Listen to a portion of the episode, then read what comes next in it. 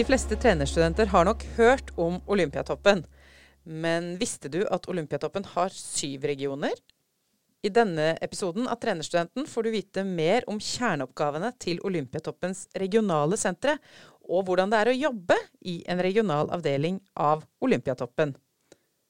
Velkommen til denne episoden av Trenerstudenten. Jeg heter Solfrid Bratland Sanda. Jeg er professor i idrettsvitenskap og fysisk aktivitet og helse ved USN studiested Bø. Og denne episoden har fått tittelen Arbeidslivspraksis Olympiatoppen. For å snakke om dette har jeg fått med meg Eirik Hansen. Du er fagkonsulent i eh, Olympiatoppen Østlandet, og du er tidligere student her hos oss i Bø. Og før du begynte i eh, Olympiatoppen Østlandet, så jobba du som fysisk trener i Odd ballklubb, der du både jobba med junior, senior og elitelag. Og i tillegg så har du jobba som fagkoordinator og trener på Telemark toppidrettsgymnas. Velkommen til deg. Tusen hjertelig takk, og takk for invitasjonen, Solfrid. Eirik, kan ikke du ta oss litt igjennom Olympiatoppen og Olympiatoppens organisering og oppgaver? Hva er Olympiatoppen egentlig? Det er jo Som du innleda med, Solfrid, så har kanskje de fleste et, eh, et inntrykk av hva Olympiatoppen er, og hva Olympiatoppen jobber med. og det er klart Sånne navn som Petter Northug, Therese Johaug er jo sånne navn som ofte blir dratt frem da når man på en måte tenker en synergi over til Olympiatoppen. Eh, og det stemmer jo til dels. Eh, og veldig mange tenker jo også da at Olympiatoppen er knytta til Sognsvann, som både blir hovedsetet hvor det sentrale leddet sitter. Og så er det som du sier at eh, Olympiatoppen har etablert sju regionale sentre Eh, jeg jobber da i Olympiatoppen Østlandet, som er tilknytta Vestfold, Telemark og Viken. Eh, som har da en veldig tett og god relasjon inn til det sentralleddet på Sognsvann. Eh, målet til Olympiatoppen, hvis du tar sentralt først, så er det å gjøre de beste bedre. Dvs. Si de som allerede presterer på det øverste nivået, som man ser på TV Eh, nå er det Warholm, vi har Ingebrigtsen eh, som på en måte frontfigurer. da, Og gjøre de enda bedre. Og Da jobber man med prosenter, marginer, for å kunne på en måte vippe kamper eller, eh, eller eh, konkurranser da, i vår favør. Og så har vi det mål to. Det er å gjøre de beste flere det er jo, det er jo sånn at eh, De vi ser på TV, det er jo veldig få. Men vi ønsker jo å ha flere som presterer på det øverste nivået. Og så har vi den eh, målgruppen som vi i region, som er vår hovedmålgruppe. Og det er jo da morgendagens toppidrettsutøvere. Og sånn Konkret så står det det å skape utviklingsmuligheter for morgendagens toppidrettsutøvere er da hovedoppdraget til Olympiatoppen i regionen. Og For vår del så er det jo ok, hvordan gjør man det i praksis? Det er jo veldig det er en vanskelig øvelse. Og for vår del, som er tilknyttet av Vestfold, Telemark og Viken, så er det jo ekstremt mange som bor i den delen av regionen. Og det er veldig mange utøvere også. Så det å kunne tilrettelegge og fasilitere og skape gode utviklingsmuligheter er en utrolig spennende jobb. Eh, vi er utrolig privilegerte som får lov til å jobbe med så mange dedikerte utøvere som virkelig ønsker å nå toppen i sin idrett. Eh, vi er ikke eh, spesifikt inn mot noen idretter. Alle som måtte ha en drive og som på en måte har kommet på et nivå Eh, ønsker vi å på en måte legge forholdene best, eller godt til rette for. Eh, det er bare viktig å understreke at vi jobber gjennom særforbund. Vi mm. eier ingen, vi eier ingen utøvere. Eh, det er særforbundene som på en måte eier sine utøvere. Og vi, vårt oppdrag er liksom å støtte og kvalitetssikre og utfordre særforbundet. da. Mm. Slik at de tilrettelegger best mulig for sine utøvere. Når du sier, det var kanskje langt ja. svar. Det var langt svar. Det ble veldig langt svar, Solfrid. Beklager. Dette er så fint. Uh, uh, hvis vi bryter det ned litt uh, i, i, det som handler om morgendagens topputøvere, hvilke aldersklasser er det vi snakker om da? Eller hvilke alderstrinn, eller ja. Nei, hovedsak så ser vi jo det at uh, fra 16 til 23, det blir vår hovedmålgruppe. Mm. Og så vil det alltid være unntak. Og nå er jo paraidretten den er fullintegrert som en del av talentutviklinga hos Olympiatoppen. Mm. Tidligere så hadde man en egen paraavdeling. Og så hadde man en egenavdeling for de funksjonsfriske. Nå er, alt, uh, nå er det en sammenslått avdeling som gjør at uh, det spiller ingen rolle om du er para eller funksjonsfrisk, og så kan du ha like forutsetninger og mulighet til å få oppfølging gjennom Olympiatoppen. Mm. Og alderstrinn eller spennet på 16 til 23 år, da er det jo en del av de som er eh, enten videregående elever eller kanskje studenter. Eh, ja, kan du si litt om hvilke livssituasjoner en del av disse utøverne dere jobber med, befinner seg i? Ja. Eh, det er klart, disse som er fra 16 til 19, veldig mange av disse er tilknytta Eh, disse eh, toppidrettslinjene. Det kan være både private og offentlige. Mm. Eh, vi har selvfølgelig Vi har et mål om at du kan få lov til å velge den eh, yrkesretningen du sjøl ønsker. At ikke alle må ta studiespesialiseren. Mm. Eh, at du faktisk ønsker å bli en snekker eller ønsker å bli sykepleier, så skal det også være mulighet da, til å kunne kombinere med sin topprettssatsing. Mm. Så det er klart vi har veldig mange elever på videregående skole. Og så har vi noe i Olympiatoppen vi kaller det krevende steget. Det vil si eh, den, det steget fra ung, lovende utøver. Du er kanskje best innen årsklasse, eh, presterer på et veldig høyt juniornivå. Og så ser vi at det krevende steget i overgangen fra 19 til 23, der mister vi dessverre veldig mange utøvere. Eh, fordi at nivået og overgang blir veldig stor til senioridretten. Mm. Så på, eh, fra 16-19 så jobber vi veldig lite mot utøverne. Eh, vi jobber mest gjennom trenerne. Og vi har etablert mm. flere trenerforum i vår del av regionen for å styrke trenerkompetansen, som igjen vil generere flere topprestøvere. Uh, mens vi fra 19 til 23 kanskje vil være litt spissere også kunne bistå mer med faglig kompetanse inn på utøvernivå. Mm.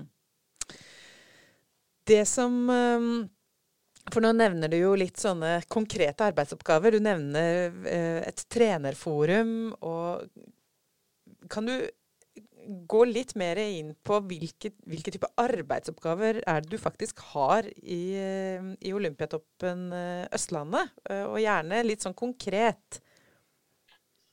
Eh, jeg jobber til daglig som ansvarlig for talentutvikling. Og toppidrett og utdanning er liksom to av mine hovedoppgaver i Olympiatoppen. Og innenfor talentutvikling så er det ekstremt viktig for min del å ha full oversikt over alle eh, Vi kaller det ofte prioriterte miljøer i vår del av regionen som vi bør ha oversikt over eller har en relasjon til. Så det å på en måte identifisere og på en måte støtte og styrke på en måte de regionale eh, kraftsentrene, kall det det, der, det er en veldig veldig stor jobb mm. å på en måte ha oversikt og dialog da, med de ulike særkretsene. Eh, I tillegg så er en del av jobben det er å på en måte være tett på videregående skole. Mm. Eh, vi har et oppdrag om å kvalitetssikre det som skjer på noen offentlige og noen private skoler. At det som på en måte blir eh, gjort på skolene, er av den kvaliteten som Eh, vi fra Olympiatoppen mener er viktig for å kunne produsere flere topputøvere. Eh, I tillegg så er det viktig for oss eh, eksempelvis gjennom Trenerforum å formidle Olympiatoppens utviklingsfilosofi. Det er ekstremt viktig for oss at utøverne som er fra 16 til 19 år, de er fort på topp av sin karriere når de er nærmere 30 år. Og det vil si at neste uke, neste halvår, det er viktig, men det er ikke da du skal ta ut ditt potensial. For det er veldig mange som tenker at neste dag er det viktigste i mitt liv, og da må jeg vinne den konkurransen. Og da må jeg hvile, jeg må restituere. Mens mm. det er faktisk det som skjer om ti år. Mm. Det, er, kanskje et OL i USA i 28 mm. som blir det som der jeg skal prestere. Og ikke et NM eller kretsmesterskap i fotball som skjer til helga. Så Olympiatoppens utviklingsfilosofi det er veldig viktig for oss, som vi formidler både til utøvere og trenere for å tenke mer helhetlig og langsiktig mm. enn kun eh, dagen i dag og kanskje til morgen. Mm. Og det er jo flere eksempler på at eh, det er jo ikke bare utøvere som har den type eh, ambisjoner eller den type uh, kortsiktig, men kanskje ikke så uh, bærekraftig, hvis vi kan bruke det uttrykket, uh, tilnærming til det å utvikle egne prestasjoner og egne ferdigheter. Det er jo også både trenere og kanskje ikke minst en del foreldre som også har en et sånn type perspektiv, da. Så jeg vet ikke, Kan du si litt om hvordan dere jobber inn mot både utøvere og trenere og eh, andre støttespillere rundt utøveren, som f.eks. For foreldregrupper? I utgangspunktet så er det særforbundet som måtte får den viktigste jobben mm. inn mot den gruppa de jobber nå. Og så er det vår oppdrag å på en måte være en god støttespiller til eh, trenerne i hverdagen og til skolemiljøen som vi har satt tett på. Eh, vi må på en måte eh, Jeg syns vi er flinke til å holde retning i mm. hverdagen. Og det vil også eh, si at vi er flinke til å på en måte formidle til treneren da, hva vi ser på som mest relevant for de har fokus på i hverdagen. Mm. Sånn at det ikke det drar ut i alle mulige retninger om at den kampen er viktig og den kampen er viktig, men at det er faktisk et langsiktig og eh, en langsiktighet og tålmodighet som er helt avgjørende for at man skal lykkes. Mm. Og eh, Tidligere så hadde man hatt et uttrykk som het 24-timersutøveren. Det er jo nå eh, slettet måtte det uttrykket, og nå har man gått eh, over til å bruke uttrykket 24-timers menneske. Mm. For det er ikke det at man må være utøver i 24 timer i døgnet som er eh, det som er avgjørende for at man skal lykkes mm. for å bli en topputøver. Det er et menneske som skal ivaretas og det er mange puslebrikker som skal på plass for at det hjulet skal på en måte rulle fremover. At ikke man da eh, mister for mange brikker på veien da, som vil gjøre at det korthuset til slutt vil falle. Mm. Og så bare For å nyansere det jeg sa i stad, så er det jo ikke sånn at alle spillere og trenere og foreldre har en sånn eh, kort, kortsiktig filosofi. Jeg regner med at du også møter en del som allerede har veldig gode Eh, holdninger og, og, gode verdier og, og, gode tilnærminger til dette. Eh, både av eh, utøvere og trenere og ledere og, og foreldre. Mm. Ja. Det, og det er klart det, det er veldig stor forskjell da, på hvem man snakker med. og det er klart Skolene opp, er veldig viktige for oss, sånn sett da, hvis du har segmentet fra 16 til 19. Eh, fordi at eh, de er ofte en mer objektiv part. Eh, og kan være en utfordrer oss sammen med oss til trenerne. For det er klart, trenerne er eh, ofte drevet av resultater. Noen av disse trenerne lever jo også av resultatene de produserer. Mm. Hvis, og det vil si at eh, toppidretten er, kan være kynisk, den kan være brutal. Og det vil si at hvis ikke trenerne sånn sett leverer resultater, så får du sparken. Mm. Og det vil si at De er ikke så opptatt av utøveren til enhver tid, de er mer opptatt av å få ut resultater. Mm. Så det for utøverne sin del å ta, ta vare på seg sjøl og tenke på seg sjøl, og også kunne tørre å tenke langsiktighet, det er også en viktig på en måte, kunnskap som vi ønsker å legge igjen da, mm. når vi er ute og er i dialog med miljøer og utøvere. For å ta det et eh, steg eh, tilbake til dette med organiseringen av Olympiatoppen, og hvem er det eh, En ting er Jeg presenterte jo deg med din eh, veldig sånn tydelige trenerbakgrunn, og du har jo også den, eh, den utdanningen fra, fra våre studieprogram. Hvem er dine kollegaer i Olympiatoppen? Altså, hvilke, hvilke yrkesgrupper er det du samarbeider med i Olympiatoppen? Innad hos oss så er, er vi ti ansatte cirka, da, i Olympiatoppen Østlandet. Og våre viktigste samarbeidspartnere det er jo idretten. Og det er idretten som vi er til for og ønsker å være relevante for. Så vi er et team på ti stykker med ulik bakgrunn og ulik fagkompetanse for å kunne på en måte utfordre og støtte eh, særidretten da, på de områdene vi måtte ha behov for. Vi har bl.a. Eh, en på, som er ansvarlig for trenerutvikling, vi har en på idrettspsykologi, vi har kraftstyrke, teknikkmotorikk, vi har noe på ernæring, og vi har også noe på helse, da. Mm. Som eh, er en del av disse støttefunksjonene som vi, som ofte Særforbundet ikke har så mye ressurser til å ha sjøl, som vi kan være en god støttespiller til Særforbundet. Mm. Og det eh, For det er jo veldig mange av de som går ut med vår type utdanning, opplever jo at de kommer i team hvor de må samarbeide med andre yrkesgrupper, og det å eh, hele tida ha den bevisstheten rundt hva er det vi hva er det vi kan bringe til torgs i et mm. uh, sånt uh, arbeidsfellesskap? Og hva er det vi faktisk kan lære av andre utdanninger eller andre yrkesgrupper? Uh, det mm. regner jeg med at også er veldig relevant også i Olympiatoppen. Mm. Det, det, som er en, en, en refleksjon, da, hvis jeg kan spole noen år tilbake i en tid, det var en jeg, jeg tok først en bachelor mm. på Universitetet i Bø, eller den gang Høgskolen i Bø. Og så begynte jeg å jobbe parallelt ganske tidlig. Og for min del så var det veldig eh, relevant og viktig, tror jeg. Fordi at man blir jo litt sånn blind når man studerer og tenker at uh, disse foreleserne de har jo alltid rett. Og det de sier er jo på en måte en fasit. Så opplever man når man kommer, ut i arbeidslivet at det er ikke alltid at teori og praksis henger helt sammen. Man har jo ganske, Jeg hadde i hvert fall det når jeg gikk ut fra idrett at så hadde jeg en ganske tydelig og klar tanke om eh, rundt dette med fysisk trening eventuelt. Da. Eller for eksempel, så hadde jeg ganske tydelig ja, men det er jo bare å gjøre litt sånn på den og den, og den måten også. Mm. Hvis de gjør det sånn, så er nødt, blir alle gode. Mm. Eh, men bildet var ikke så enkelt. Bildet var ganske komplekst og sammensatt. Mm. Så det å kunne koble studiene direkte ut til arbeidslivet, det var for min del veldig veldig viktig og veldig relevant. Og jeg tok en pause etter eh, jeg var ferdig med bacheloren, så jobba jeg noen år. Og så gikk jeg tilbake igjen eh, for å ta master da, på et senere tidspunkt. For å kunne, da kunne koble teori og praksis enda tettere sammen fra mine refleksjoner og erfaringer fra hverdagen. Og så ønsker jeg å knytte det tettere til forskningen, og skrev da masteroppgave rundt eh, dette med fysisk trening i fotball. Mm.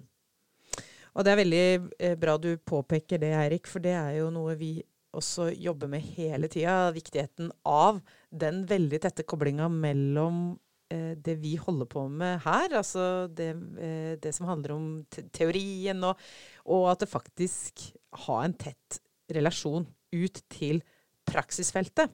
Så, og praksisfeltet er jo et veldig stort felt med veldig mange forskjellige aktører. Men det er jo akkurat det du sier, at det er en del ting som du bare må erfare at OK, teorien sier det. Eh, mm. Hvordan kan jeg anvende den teorien inn i dette arbeidet? Og at for de aller fleste studenter så kommer det en opplevelse av at dette var mye mer komplekst enn det jeg så for meg.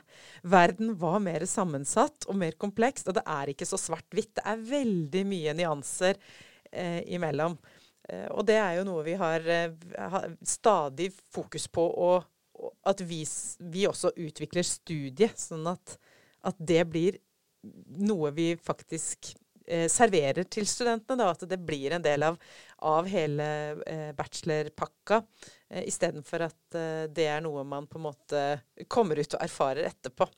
Eh, mm. Og hvis jeg kan få skryte litt av oss, så har vi faktisk fått tilbakemelding fra praksisplasser på at eh, våre studenter har en veldig god forståelse og kobling mellom teori og praksis eh, allerede når de kommer ut til eh, noen av praksisstedene på f.eks. tredjeåret. Eh, mm. så, så, da håper jeg at vi i hvert fall gjør noe riktig der. Og så er det selvfølgelig en, en sånn kontinuerlig forbedringsprosess, det også. Hos oss som hos alle andre. Jeg opplever jo at uh,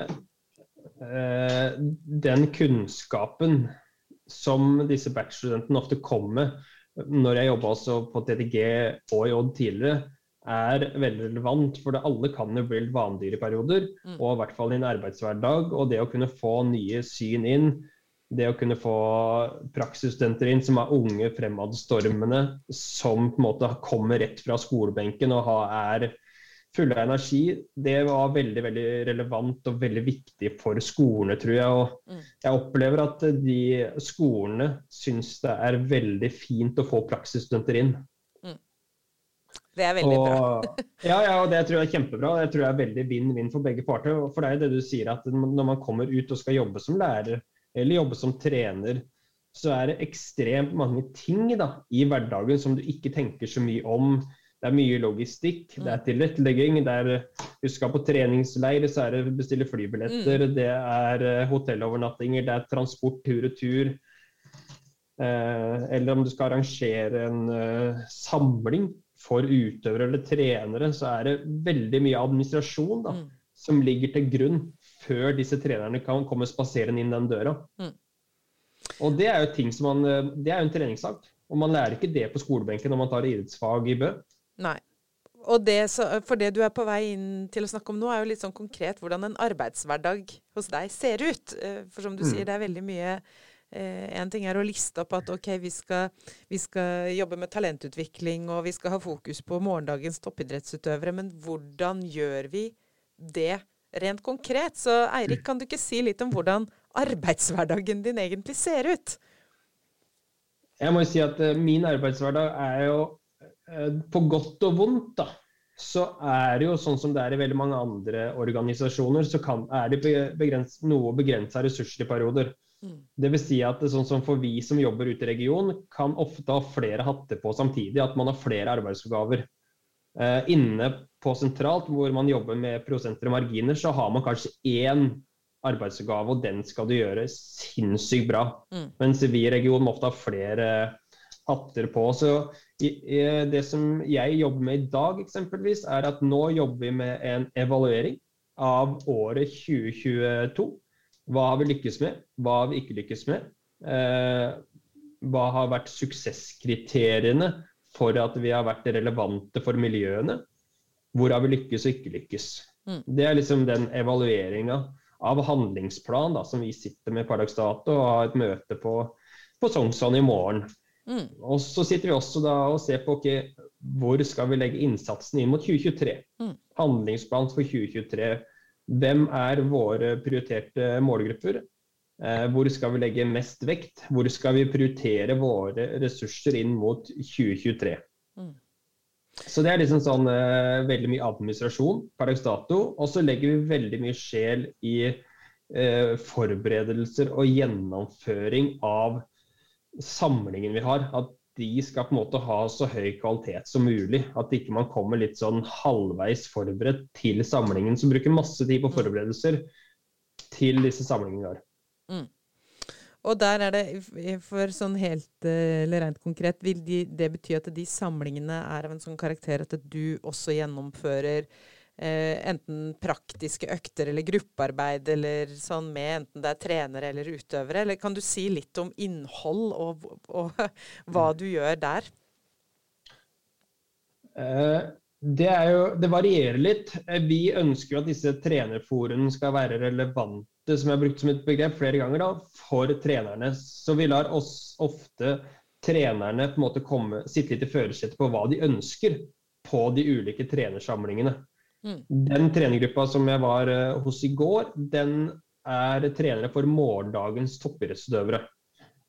Der har man hatt eh, tematikker. Eksempelvis så ser vi det at det å få inn toppidrettsutøvere for å på en måte få referanser på hva som kreves for å på en måte nå eh, det ypperste nivået, da.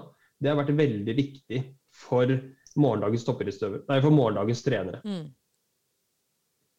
Eh, og så blir vi eh, fasilitator. Vi blir også en intervjuer i sånne type settinger. Enn at det, kommer utøvere inn som skal fortelle en powerpoint, og så snakker de en Mm. time. Mm. Så, så blir det mer en sånn intervjusituasjon, hvor Mm. vi sitter som, og intervjuer utøvere. Mm. Og da må vi ha gjort en veldig veldig god jobb i forkant på å forberede både utøvere og eh, eh, oss sjøl på hvilke spørsmål vi skal stille for at det skal være relevant nok da, for Mm. trenerne. Veldig interessant at du nevner det, for eh, etter eh, jul så eh, lanserer vi en rekke med sånne pensumepisoder, og de går rett og slett på metode i denne podkasten. Og da er jo intervju som metode en av de eh, tingene som vi tematiserer, nettopp fordi vi ser at eh, trenerstudenter trenger intervju kunnskap om intervju som et verktøy i mange forskjellige En ting er inn i mer forskning og studentprosjekter, men det er faktisk et verktøy som bruker Vi bruker den i trening, og jeg har brukt det masse i min eh, mitt praktiske virke med ulike eh, å trene ulike grupper. Og som du sier, her er det her bruker du det også inn eh, for å lære opp tren andre trenere. Så mm. det er en viktig link inn til det som kommer seinere for våre studenter. Du Eirik, kan du si noe om hva er det beste og hva er det verste med jobben din? ja, vet du hva. Det beste og det som gir mest motivasjon, det er å tre, treffe disse unge, lovende utøverne i hverdagen som har Du ser stjerner i øynene deres, og de har en så utrolig drive altså, for å på en måte bli eh, bedre. Og den, de samme stjernene kan man også i, i perioder se hos trenerne. De er så lystne på kunnskap. De elsker å utvikle seg. måte de, eh, ja, de vil så gjerne bli bedre. Og bedre utøvere gjør bedre eh, Nei, bedre trening gir bedre utøvere. Mm. Så det er det absolutt beste med eh, jobben. Det å være så tett på, og være så privilegert og være så tett på de aller, aller beste. Eh, og hvis jeg skal ta det motsatte enden av skalaen, som jeg ikke i perioder syns er så relevant, men, eh, eller det er veldig relevant, men det er ikke så interessant, det er jo dette med økonomi. Ja. For det er klart, Olympiatoppen er jo også finansiert av fylkeskommuner. Og det å sitte i møter med fylkeskommuner for å skaffe penger, mm. det er vel den delen av jobben som i perioder kan være mindre interessant. Mm. Man ønsker jo, når man er fra idretten, så ønsker man å være tettest på idretten. Mm. Men så er det det å ha flere hatter på da, i en sånn type organisering som vi har nå, så er vi også avhengig av, av regional finansiering. Så Derfor så blir også økonomi da, en del av jobben til enkelte av de ansatte hos oss. da. Mm. Og Derav har jeg på en måte fått et stort ansvar for den delen her av regionen, for også å skaffe noen midler. Hvis vi da avslutter litt sånn med, med, råd eller tips til studenter som tenker at det å jobbe i Olympiatoppen, eh, enten sentralt eller i en regional avdeling i Olympiatoppen, det syns jeg høres veldig spennende ut. Det har jeg lyst til. Hva må, hva, hvilke råd har du til de studentene? For det første må jeg si at det å jobbe i Olympiatoppen er utrolig spennende. Og eh, jeg satt eh, her for en måneds tid siden på et møte eh, med en 70 år gammel mann, eller trener på Olympiatoppen, som er like utviklingsorientert nå mm. som han var da han var 25. Så den filosofien og den driven som ligger i organisasjon til å utvikle seg, den er helt enorm. når det gjelder råd til studenter, så tenker jeg det å være tett på praksis komme seg ut i praksisfeltet, få erfaring fra hvordan det er å jobbe. Og så tenker jeg at en enkelt eh, student må på en måte finne ut hva liker jeg å jobbe med. Hvem er jeg? Eh, er det topputøvere? Er det breddeutøvere? Er det det å på en måte mer administrasjon som på en måte den enkelte student brenner for? da. Mm. Så det å på en måte gå gjennom den loopet. Men for min del så har det vært veldig viktig å ha et brennende ønske om å være tett på toppidretten. Og jobba på en måte først gjennom skolen, og så knytta meg tettere på Odd og elitelaget i Odd, før jeg da i neste fase tok steget inn i Olympiatoppen. Mm. Så det å faktisk ha noen sånne Det at man må regne med at man må gå noen sånne steg, både i utdanningsløpet, men også etter utdanningsløpet, for å rett og slett kvalifisere seg for en sånn type jobb, er egentlig mm. en viktig eh, Ja, viktig å ha litt eh, perspektiv på det.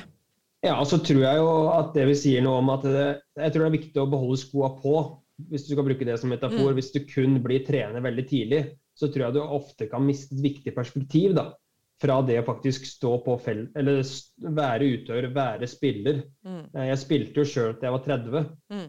og har jo erfaringer fra ja, førstesjon og nedover i fotball. Så man har jo også en bred da, spillerbakgrunn i en kombinasjon med en både da forskningsbasert, men også da praksiserfaring etter hvert. mm. som, til, som, kulminerte med at jeg var heldig og fikk muligheten til å på toppen. Det gjøres eh, Ja, det er veldig viktige råd og gode råd til studenter. Om, for det innebærer jo også en sånn, eh, som du starta med å si, at det morgendagens utøvere og det å ha fokuset på det som skal skje langt der framme, er jo egentlig det studenter som ønsker en sånn her type jobb, også bør ha. Altså, det er ikke en jobb du nødvendigvis kvalifiserer deg for gjennom eh, bare bachelor, men det er det er på en måte alt, alt, all annen erfaring du legger på, i tillegg til den mer formelle kompetansen du skaffer, skaffer deg ved universitetet, eh, som, som, også blir veldig avgjørende inn i et sånt eh, ja, karrieresteg, da. Så, så, kanskje det er litt, litt eh, likhetstrekk mellom morgendagens eh, eh, hvordan man tenker om morgendagens eh, utøvere, og, eller topputøvere, og morgendagens ansatte i Olympiatoppen. Jeg tror det ligger ekstremt mye taus kunnskap mm. i idretten som ikke gir studiepoeng, mm. men uh, som er veldig, veldig viktig for en sånn type jobb da, som den jeg har. Mm. Det å være strukturert, uh, fleksibel, uh, ha en tydelig mål, retning, er jo ting som er veldig overførbart da, fra det å være spiller sjøl mm. til det å kunne gå inn i en sånn type jobb. Absolutt. Du Eirik, tusen takk for at du tok deg tida til å eh, komme i denne podkasten. Og så regner jeg jo med at hvis studenter har spørsmål til deg, så kan de kontakte deg på f.eks. e-post. Selvfølgelig. Takk for invitasjonen, og veldig hyggelig å få være med, Solfrid. Veldig bra. Da eh, er det bare info til eh, de som eh, lytter til podkasten, at kontaktinfoen din, Eirik, den legger vi ut i episodebeskrivelsen for denne episoden. Så da gjenstår det egentlig bare å si tusen takk for at du stilte opp igjen, Eirik, og takk til deg som lytta.